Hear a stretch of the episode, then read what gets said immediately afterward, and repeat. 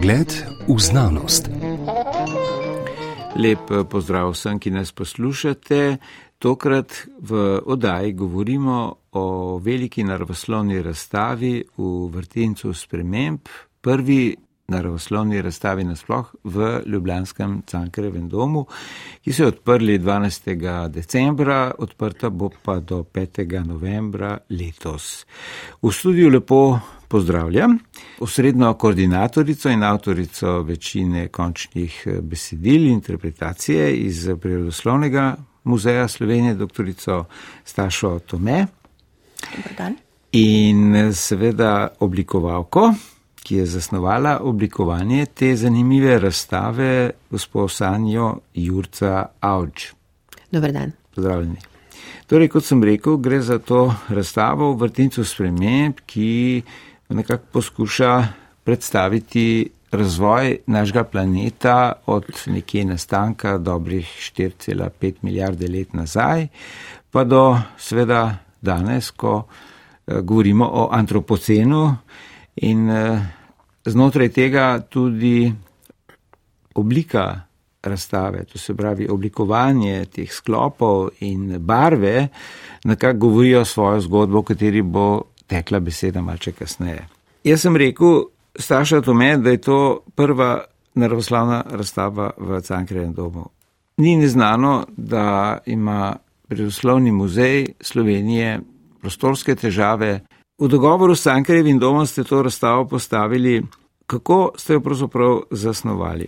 Prve zbirke prvega muzeja na slovenskem so bile ravno naravoslovne zbirke, tako da si pa delimo hišo z Narodnim muzejem Slovenije in dejansko imamo oboji zelo velike prostorske težave. In s temi težavami, kot ste omenili, se ukvarjamo res že desetletja, pa nikoli do zdaj jih še nismo rešili. Zelo smo hvaležni Cankarevemu domu, da je prepoznal to našo stisko in ponudil, da tudi preko te razstave opozorimo na njo. Zdaj, ideja eh, je bila te razstave, da predstavite, kot sem že omenil, nekje razvoj zemlje in človekov vpliv, predvsem seveda v zadnjih sedmih sekundah, če bi čas zemlje na 24 ur razdelili. Ne? Pravzaprav je razvoj zemlje en mali segment te razstave. Srednja rdeča nit je spreminjanje, spreminjanje vesolja, spreminjanje našega planeta, spreminjanje življenja, ki se je skozi evolucijo razvijalo v raznolike oblike in spremembe v naravi. To je rdeča nit. Seveda pa v zadnjem času človek bistveno vpliva na te spremembe in uh, zato je razstava tudi tako zelo aktualna. Namreč upozarjamo na to, da um, če bomo ravnali, kot ravnamo zadnjih nekaj stolet, se nam ne obeta nič dobrega in da se moramo na tem zamisliti in nekaj ukreniti. No, to je tudi nekje eh, tako pedagoški vidik, ne, ki se predvsem v zadnjih eh, prostorih razstave izkazuje ne, z besedami, pač, da je treba stvari razumeti najprej, ne, potem jih lahko šele spreminjamo, kjer citirate to slovito raziskovalko Jane Goodall. Sanja Jurca Audže, vi ste pa oblikovali, kot rečeno, to razstavo in uh, ko vstopiš v prostor galerije Cankarevega doma v Ljubljani, takoj zapažiš ta kontrast med uh, zeleno in rdečo podlago razstavnih sklopov. Torej, jaz lahko rečem, da barve vedno rada uporabljam pri oblikovanju razstav, zaradi tega, ker se mi zdi, da je to ena od načinov, da se obiskovalcu na hitro nekaj pove in da potem, ko enkrat to zapopade, Staša je prej lepo rekla, da je to tako rekoč podzavestno, da se to tako zapopade, lahko potem v barve ali pa na, na drugač, v drugače ustvarjeno okolje potem zgodbo lepo položiš. Zdaj, zgodba te razstave je na eni strani tiste spremembe, ki so naravi lastne, na drugi strani pa tiste, ki jih vanjo zlasti v zadnjem obdobju precej agresivno vnaša človek. Čeprav človek je del narave, to seveda vsi vemo, ampak te spremembe, ki jih v zadnjem času v naravo vnaša, so pa nekaj, na kar moramo biti pozorni. Zaradi tega, ker na naravo vplivajo močno in vsaj zaenkrat se nam tako zdi negativno. To se pravi, narava in tiste spremembe, ki so naravi lastne, so na razstavi označene z zeleno barvo oziroma so položene v zeleno barvo. Zdaj, lahko bi povedala tudi to, da ko smo pri oblikovanju plakata razstave, ki ga je oblikoval Cankarjev dom oziroma oblikovalski oddelek v Cankarjevem domu, da je bilo nekaj časa celo mal polemike, katera je tista barva, ki naravo označuje. In je bilo mal polemika, je to mogoče modra. Seveda, modri, modri so oceani in če človek zemljo pogleda, ne, je lahko to tudi modra. Lahko bi rekla, da je bila to pol moja osebna odločitev, da bomo naravo predstavili zeleno, ampak mislim, da v, zlasti v tej dvojnosti zelena in rdeča oziroma modra in rdeča, da je precej jasno, katera je narava, pa katero je tisto, kar v naravo vnaša človek. Mhm. Zdaj, rdeča je pa barva, s katero vedno opozarjamo na nekaj. Ne? V, v grafičnem oblikovanju, v naravi tudi ne. Rdeča je tista, ki te na nekaj upozori. To se pravi, ta uh, zelena, ki tudi v, iz psihologije vemo, da je na nek način barva, ki pomirja, barva, ki te pač ne, ne vrže iz tira, ampak te prizemlji. V nasprotju z rdečo, ki te pa na nekaj upozarja, sigurno deluje ta kontrastno in točno to je tisto, kar smo pri oblikovanju razstave želeli narediti, pokazati kontrast med spremembami, ki so naravi lastne in med tistimi, ki jih vanjo vnaša človek s svojimi dejanji. Premišljenimi, ampak večinoma nepremišljenimi.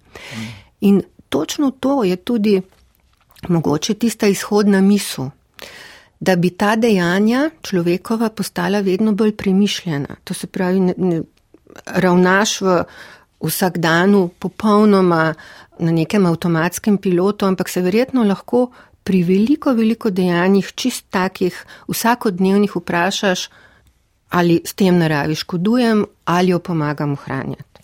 Mhm. Po drugi strani ne, pa tudi obstaja, glede na to, da se povdarja, da je to prva naravoslovna razstava v kulturnem hramu, kot se mu reče Cankarev dom v Ljubljani, ki predpostavlja poznavanje, torej nek miselni proces, razumevanje in potem etično odločitev, ne, glede na poznavanje, vedenje, kako človeška kapitalistična civilizacija v zadnjih stoletjih uničuje biodiverziteto, okolje in življenje na Zemlji. Na razstavi imate celo eh, en kotiček, kjer je nagačen tukaj že zdavne pred stoletji izumrl ptič, klaužar in zraven na ekranu eh, števec izumrlih vrst od odprtja razstave 12. decembra do zdaj. Ne? In tam nekje se približuje ta številka že 2000 staša to me. Ne moreš ločiti ne, humanističnih pa naravoslovnih aspektov razumevanja razvoja sprememb na Zemlji. Seveda ne. Narava in kultura sta seveda povezani, sej človek je pač naravno bitje, hkrati pa tudi kulturno bitje in skozi svojo kulturo vpliva tudi na bivanje na tem planetu. Zdaj mi veliko govorimo, kako človek uničuje naravo, ampak ne gre za to, da človek uničuje naravo, gre za to, da človek uničuje naravo v smislu, da škodi sebi. Narava bo brez človeka krasno preživela, to sploh ni dvoma. Ampak gre za to, da s temi svojimi ravnanji, s to našo kulturo, ki je prerastla v vse splošno potrošništvo in hlastanjem, Eh, za vedno več in več in boljšim in izkoriščanjem naravnih verov, se zna obrniti proti nam. Eh, in tukaj sta kultura in natura seveda nezdružljivo povezani, nerazdružljivo povezani. Opozarjanje na eh, krizo biodiverzitete, klaužar, je ena taka zanimiva pojava, za katero bi mogoče kdo rekel, da je zelo grd, ampak jaz to pravim, da v naravi nič ni grdo, lahko se komu zdi grdo, ampak je pa dejansko en simbol tega, kako smo uspeli ljudje neko vrsto iztrebiti praktično po celem svetu. V naravi gnezdi samo še ena populacija v Afriki. Pred 500 leti je živel tudi na območju celotne Evrope, danes pa ga skušamo z umetno vzrejo spet nekako reintroducirati nazaj v naravo. Števec, ki je na razstavi, pa prikazuje predikcijo, se pravi napoved, znanstveno napoved eh, izumiranja vrst, namreč nihče na tem planetu ne more točno oceniti, koliko vrst je v tem trenutku izumrlo. Mnogih vrst sploh še nismo odkrili, pa bodo med tem morda že izumrle. V resnici nihče na tem planetu tudi ne more povedati, koliko vrst je. Skratka, gre za neko, neko napoved oziroma neko oceno, kako hitro ta biodiverziteta ugaša, na osnovi seveda znanstvenih dejstev. In številke so seveda zelo, zelo zaskrbljujoče. Seveda, mogoče jih tukaj ravno ne bi povzemali, no, tudi razstava, poanta razstave ni samo v tem. Ne. E, sicer ste pa te sklope razdelili bolj ali manj na biotope, ki obstajajo predvsem v Sloveniji. Ne. Slovenija je pač ena dežela, ki je na stičišču štirih velikih evropskih um, geografsko podnebnih sistemov, seveda Alpe, Panonija, Dinarski svet in Sredozemlje, ne, torej morje. In e, to zadevno tudi predstavljate, te sklope. Ne? Ja, tako kot ste omenili, citat Jane Goodall, najprej treba naravo občudovati, jo poznati in potem šele veš, zakaj jo moraš ceniti in varovati.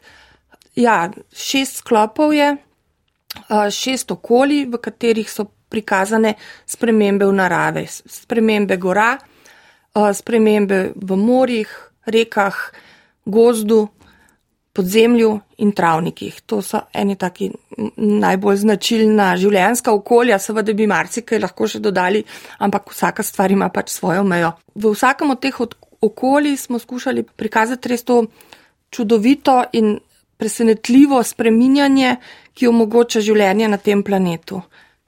V enem od teh sklopov, seveda nepresenetljivo, je seveda tudi podzemni svet, ne? torej kraški svet, ki je seveda značilen za pač to dinarsko območje, ne?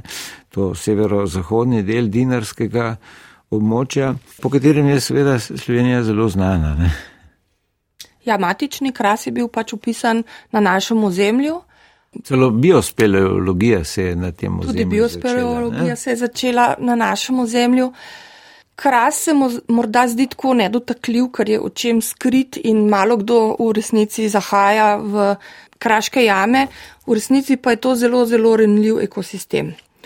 Namreč z onesnaževanjem z površja ni treba veliko, da se poruši naravno ravnovesje, da uničimo in onesnažimo tudi vode, ki se pretakajo po krasu in so potem tudi vir pitnih voda.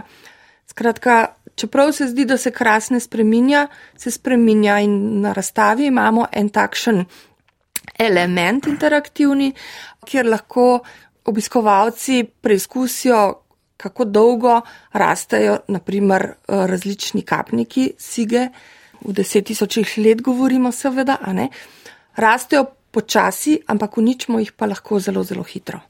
No, vse teh eh, interaktiv, torej interaktivnih elementov je več. Ne?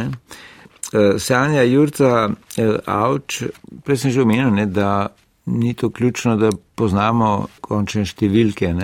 Vse konc koncev so jih lahko dobiš na internetu. Ne? Ampak že ta, samega oblikovanja te razstave, torej v dogovarjanju z avtorji vsebin, ste se lotili pravzaprav tako, da bi izkušnjo tega vrtinca sprememb pokazali. Ja, na vsak način. To se pravi, ko je bila znana vsebina, ko je bilo znano, da bomo najprej spregovorili o nastanku zemlje in življenja na njej, to se pravi, da sta, da sta to nekako neki uvodni poglavji. Sem potem razbrala iz pripravljene vsebine, da bomo govorili o teh naštetih okoljih, ki se pojavljajo v Sloveniji, ampak da bomo v vsakem okolju spregovorili tudi o tem, kako na njega človek vpliva. To se pravi, da se je tudi po tem, ko uh, smo pogledali prostor, v katerem razstava bo, nekako, bom rekla, kar pojavlja ideja, da se organizira neko srednji del, ki bo predstavljal ta vrtinc sprememb, ki jih v naravo vnaša človek in da bo iz tega vrtinca možno šele vstopati v ta posamezna okolja, kjer jih bomo pa spoznali v, njihovem, v njihovih naravnih procesih spreminjena. To se pravi, obiskovalc najprej vstopi v ta vrtin sprememb, ki jih v naravi povzroča človek, šele iz tega potem lahko vstopi recimo v območje, v katerem govorimo o gorah, še v neokrnjeni obliki, ampak potem že tudi vidi, kako na njih vpliva človek. In tako potem naprej za vsa ostala okolja. Kot smo že rekli, je potem v, na razstavi tudi veliko, veliko interaktivnih elementov, tako fizičnih, to se pravi zelo enostavnih in nekaterih, eh, veliko jih je tudi za otroke, do multimedijskih, to se pravi tukaj je neka kombinacija obojga, kar je seveda tisto, kar je na razstavi najbolj zaželeno. Potem pa bi rada spregovorila še o dveh elementih oblikovanja oziroma organizacije te izkušnje, ki jo obiskovalec doživi, ko si razstavo ogleda. To je izkušnja gozda, gozda po dnevi in po noči, ki je mogoče res neko presenečenje. Obiskovalec vstopi v to okolje skozi zaveso, ki ga oddeli od ostalega sveta oziroma vsaj razstave in potem doživi to spremembo noči in dneva v gozdu. To je bila tako rekoč scenografija. Ne. Tukaj sem se mal vrnila v, gledališke v moje gledališke izkušnje. Tudi sodelavc, ki je pripravil to okolje fizično in oblikoval luč v njem, je iz gledaliških voda, to je Igor Remeta. Skratka, to je ena izkušnja, ki je, bi jo res izdvojila iz ostalega, kar je še vedno neko je okolje razstave, ampak je okolje, v katerem imaš vitrine, imaš besedila in tako naprej. Ampak, ko pa vstopiš v ta gost, si pa res nekje druge. In mogoče potem še ta izkušnja izhoda, ne? zaradi tega, ker to bi bilo lahko tudi samo na nekih panojih predstavljeno, ampak zaradi tega, da se pa to bolj nekako uh, dotakne človeka, je to povezano s fizičnim dejanjem, da ti se sprehodiš skozi to odstiraš te rese in vsakič, ko nove rese odstreš, se ti pojavi novo vprašanje, kako ravnaš v svojem vsakodnevnem življenju z naravo. Tle bi tole povedala, no, da recimo razstava je za mene res medij in ga jo poskušam vse, kar, vsa sredstva, ki jih uporabljam, poskušam uporabiti na ta način, da, da pridejo lastnosti razstave, To je polaganje vsebine v prostor čim bolj do izraza. Zaradi tega, ker nekaj drugega je, če ti sediš doma, isto vsebino bereš, tako da obračaš liste v knjigi, kot je, če ti vstopiš v prostor, kjer je posebna svetloba, obdajo te barve, obdajo te neki elementi in ti skozi to hodaš. To je čist nekaj drugega. Ne? In za mene je užitek in moja glavna naloga, da to izkoriščam. No? Da... Um, pravzaprav ne, je vaša izkušnja z gledališčem ne mara koristna tudi zato, ker pa seveda ni neznano, da je eh, gledališče eh, izkušnja uprizarjanja razmeri odnosov med ljudmi različnih karakterjev, značajev in usod. In ne nazadnje, če pa pogledamo v preteklost nastajanja parkovnih ureditev, ne, pa seveda, ki so začele kje druge kot v Italiji 16. stoletja in se potem preselile v, preko vpliva v Francijo, Anglijo ne, in potem seveda smo dobili ta angliški vrt, ki je tako malo bolj divji, ne, čeprav organizirano divji. No, gre za uprizarjanje ne, in zato se mi postavlja izzivalno vprašanje, ne mara za obe. Teoretiki, biologi, veste, kaj se dogaja, kaj se je dogajalo na podlagi stoletnih raziskav, a ne preteklosti Zemlje. Ljudje, ki se pa malo gledališče, sploh pa z oblikovanjem pogojev, fizičnih pogojev, uprizoritev razmeri odnosov, ne nazadnje tudi narave, postavlja se vprašanje, kako pravzaprav uprizarjati razvoj in uničevanje enega naravnega okolja, ne, ki seveda ga vrsta, ki se ima za mislečo, uničuje. Skratka, to je strašen izziv. Bom jaz začela, ampak bom takoj staši predala besedo. Seveda, pri oblikovanju razstave mora ravno tako obstajati neka dramaturgija zgodbe, neka pripoved zgodbe, ki bo učinkovala tukaj na obiskovalca, v gledališču pa na gledalca na podoben način. Če bi recimo naredila paralelo med eh, gledališčem pa med oblikovanjem razstave, potem je kustos oziroma tisti, ki pripravi vsebino, enako kot je dramatik pri gledališki predstavi. To se pravi, on je tisti, ki poskrbi za vsebino, potem jo pa ekipa pripravi oziroma prevede v razstavo. Ampak vse pa izhaja iz vsebine, katere avtor je kustos. Zdaj pa, kako se to vsebino čim bolj pripravi na tak način, da jo je potem lažje prenesti v prostor, bi pa seveda prosila Staša, da pove več. Mm. Ja, muzejska interpretacija je postala v zadnjem času prava znanost in mi se s tem zelo poglobljeno ukvarjamo že desetletja. Ne na zadnje smo prejeli kar nekaj Valvazorjevih nagrad prav za interpretacijo uh, vsebine. Uh, namreč, kot je bilo že povedano, razstava je svoj medij. Razstava ni knjiga na steni in zato je načrtovanje razstav izjemno velikega pomena. Vedno, ko načrtujemo, najprej se vprašamo, kaj želimo, da obiskovalec ve oziroma čuti, oziroma kako bo spremenil svoje ravnanje, ko odide z razstave. Se pravi, ta rdeča nit, ta, to glavno sporočilo razstave je ključnega pomena in potem to glavno sporočilo naslavljamo z vsakim od delov razstave.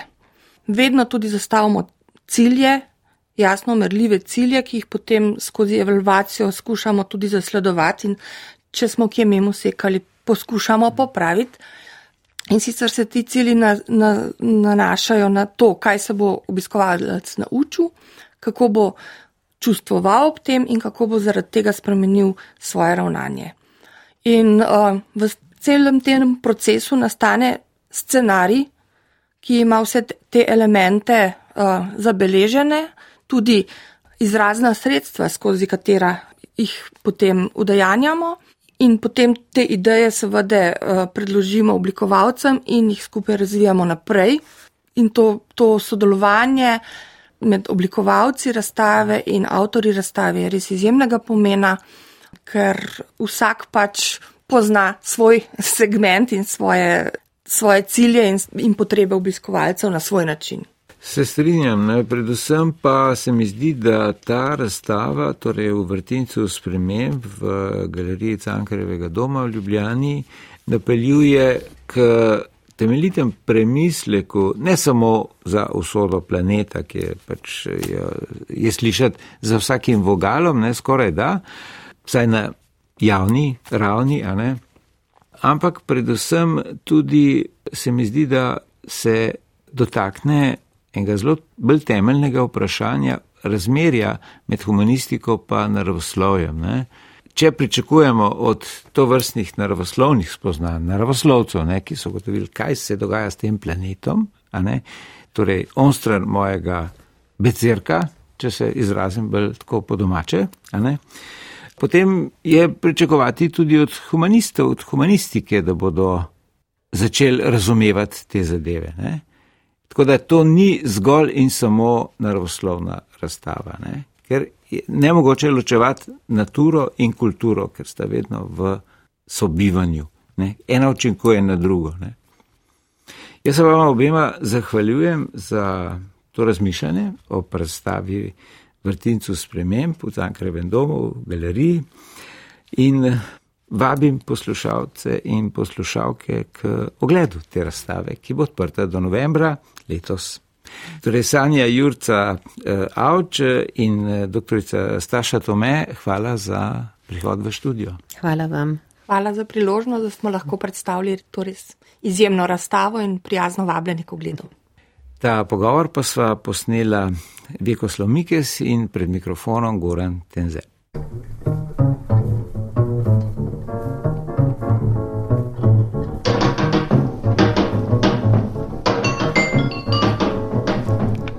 Pogled v znanost.